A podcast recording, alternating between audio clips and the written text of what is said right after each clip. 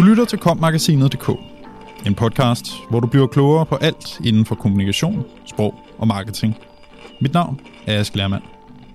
Anna Bertha Hies Christensen arbejder på en Ph.D., hvor hun blandt andet belyser de etiske og moralske konflikter og udfordringer, der ligger indbygget i influencer marketing.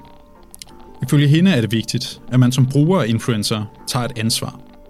Og så håber hun, at politikerne snart får taget sig sammen til at lave nogle regler for området, for eksempel i forhold til arbejdsforhold. Når mennesker bliver produkter. Det er så godt, at I også får den side med i jeres tema, siger Anne Bertha Heres Christensen. Det er nemlig ifølge hende forbløffende få, der sætter fokus på bagsiden af influencer marketing medaljen. Anna Bertha Heres Christensen arbejder på en Ph.D., hvor hun forsøger at finde ud af, hvad det er for nogle konflikter og udfordringer, man støder på i influencer marketing verden. Konflikter og udfordringer, der adskiller sig fra dem, man støder på, når man arbejder med andre former for marketing. Min forskning viser, at fordi det er reelle mennesker, man bruger som mediekanaler med influencer marketing, så opstår der alle mulige arbejdsmæssige udfordringer og en masse etiske konflikter. Brugen af influencer marketing kræver, at vi stiller nogle etiske spørgsmål i forhold til eksempelvis arbejdsforhold. Der er også nogle samfundsetiske spørgsmål omkring, hvad det egentlig vil sige, og hvad det betyder for vores samfund, når mennesker bliver produkter, forklarer hun. Når ens liv er til salg. Man kan spørge sig selv, om det egentlig er den store forskel på at bruge influencer og at bruge eksempelvis kendte mennesker i reklamer. Man har jo i årtier brugt både mennesker og dyr til at binde menneskelige værdier og emotionelle træk sammen med produkter i reklamer. Og det er almen viden, at det virker. Men ifølge Anne Bertha Hees Christensen er der en stor forskel. Hvis vi tager basketballspilleren Michael Jordan, så tog Nike hans identitet som basketballspiller og placerede ham i Nikes univers. Så fortalte Nike ham, hvad han skulle sige, hvordan han skulle stå, osv. Det, der går influencer marketing anderledes, er, at vi placerer brandet i menneskets univers og siger, vil du være sød at knytte vores brand op på dit liv? Det hele er med andre ord vendt om.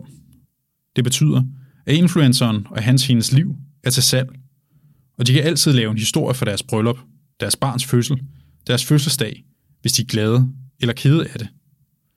Alt bliver til salg som et produkt, og derfor er der nogle etiske spørgsmål, som er nødvendige at stille, og som gør det anderledes, end når Mads Mikkelsen stiller op for Carlsberg i en reklamekampagne, forklarer Anna Bertha Hirs Christensen. Influencer stress, angst og depression. Der er rigtig mange paralleller mellem influencerverdenen og den, vi kender fra eksempelvis reality-tv. Det kan have store omkostninger, når grænserne mellem det private og det offentlige forsvinder. Der er desværre mange influencer, der bliver ramt af stress, angst og depression. Det kan være utroligt svært for dem at træde ud af det, og der er flere eksempler på influencer, der er proklameret, at de stopper, og så går der ikke særlig lang tid, før de er tilbage igen.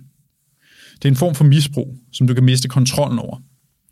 Alle de diskussioner, vi har omkring de digitale medier, og hvordan vi bliver afhængige af dem, gælder også for de her mennesker. De bliver jo også afhængige af det, både økonomisk og af hele tiden at få anerkendelse. Til sidst kan det være svært at vide, hvad det egentlig er, man føler, siger Anna Bertha Hies Christensen, og drager en parallel til noget, alle forældre kan genkende. Det er jo helt normalt for de fleste forældre at diskutere, om man for eksempel vil lægge billeder op af sine børn på de sociale medier. Og hvorfor gør vi det? Det er fordi vi ved, at det kan have en pris, hvis alt bliver offentligt tilgængeligt til evig tid. Den virkelighed skal influencer leve med. Problemet er, at du får 300 flere likes, end du ellers ville, hvis du lægger et billede op af din familie eller noget andet privat. Og jo flere likes og følgere, jo flere penge tjener du. På den måde er der mange influencer, der er på arbejde 24 timer i døgnet, hvor grænsen mellem det private og det offentlige viskes helt væk, siger hun. Det kan grænse til børnearbejde. Et andet etisk spørgsmål, man kunne tage fat i, er influencernes alder. Ifølge Anna Bertha Hies Christensen er mange af eksempelvis YouTube-stjernerne meget unge. De kan i kraft af deres popularitet i en ung målgruppe have en stor værdi, men i den digitale verden er der ingen regler, hvilket er et gigantisk problem. I andre kreative fag eller jobs er der regler. Hvis du eksempelvis arbejder som børneskuespiller, er der regler for, hvornår og hvor længe du må arbejde på sættet. Det digitale marked følger slet ikke med, når det gælder for eksempel unge influencer. Som virksomhed kan man bevæge sig ind på et marked, hvor det er i det vilde vesten, uden sikkerhed og overenskomster, og hvor mange af dem, der er virkelig mange følgere, er så unge, at det grænser til børnearbejde. Det er vigtigt at tænke over, når du som virksomhed bevæger dig ind på markedet, pointerer Anna Bertha Hayes Christensen. Husk, at det er et samarbejde. En af de ting, som Anna Bertha Hayes Christensen har kunnet se i sit arbejde, er, at det er alfa og omega, at man som virksomhed behandler de influencer, man arbejder med, som mennesker og betragter det som et samarbejde. Det kan ikke sammenlignes med at købe andre medier ind. Jo tættere du arbejder med dem omkring det kreative, og jo mere du betragter dem som samarbejdspartnere, desto mere får både du og influenceren ud af det. Det er vigtigt, at du respekterer deres personlige forum og hvad de gerne vil. Man skal huske, at influencer ikke bare er unge amatører, men professionelle. Det kræver også, at kunderne har en professionel indstilling til samarbejdet. Det er ikke bare nogle unge mennesker, du kan sende et par produkter til, og så håbe på det bedste. Hvis du vil bruge influencer marketing, så skal du købe ind på det professionelle marked og arbejde med de influencer, der er professionelle, og håndtere det på en professionel måde, siger hun. Og der er meget, der tyder på, at nogle virksomheder, ifølge Anna Berthes Christensen, ikke tager deres ansvar alvorligt. Jeg har været i kontakt med meget unge influencer, der har været til møder med topprofessionelle forretningsmænd i kæmpe organisationer. Så sidder de med noget, der grænser til en mindreårig, som slet ikke tør sætte nogle krav, og ikke tør at sige noget andet end ja til alle mulige ting, fordi deres største ønske er at blive YouTube-stjerner og tjene nogle penge. Der kan bestemt være episoder, der i den grad springer i øjnene, både etisk og moralsk. Men når der ikke er regler, så er det svært. Lad os få et regelsæt. Ifølge Anna Bertha Hayes Christensen er der heldigvis mange bureauer, der selv er begyndt at tage affære. De er jo godt klar over, at de har et moralsk og etisk ansvar, så de laver deres eget regelsæt.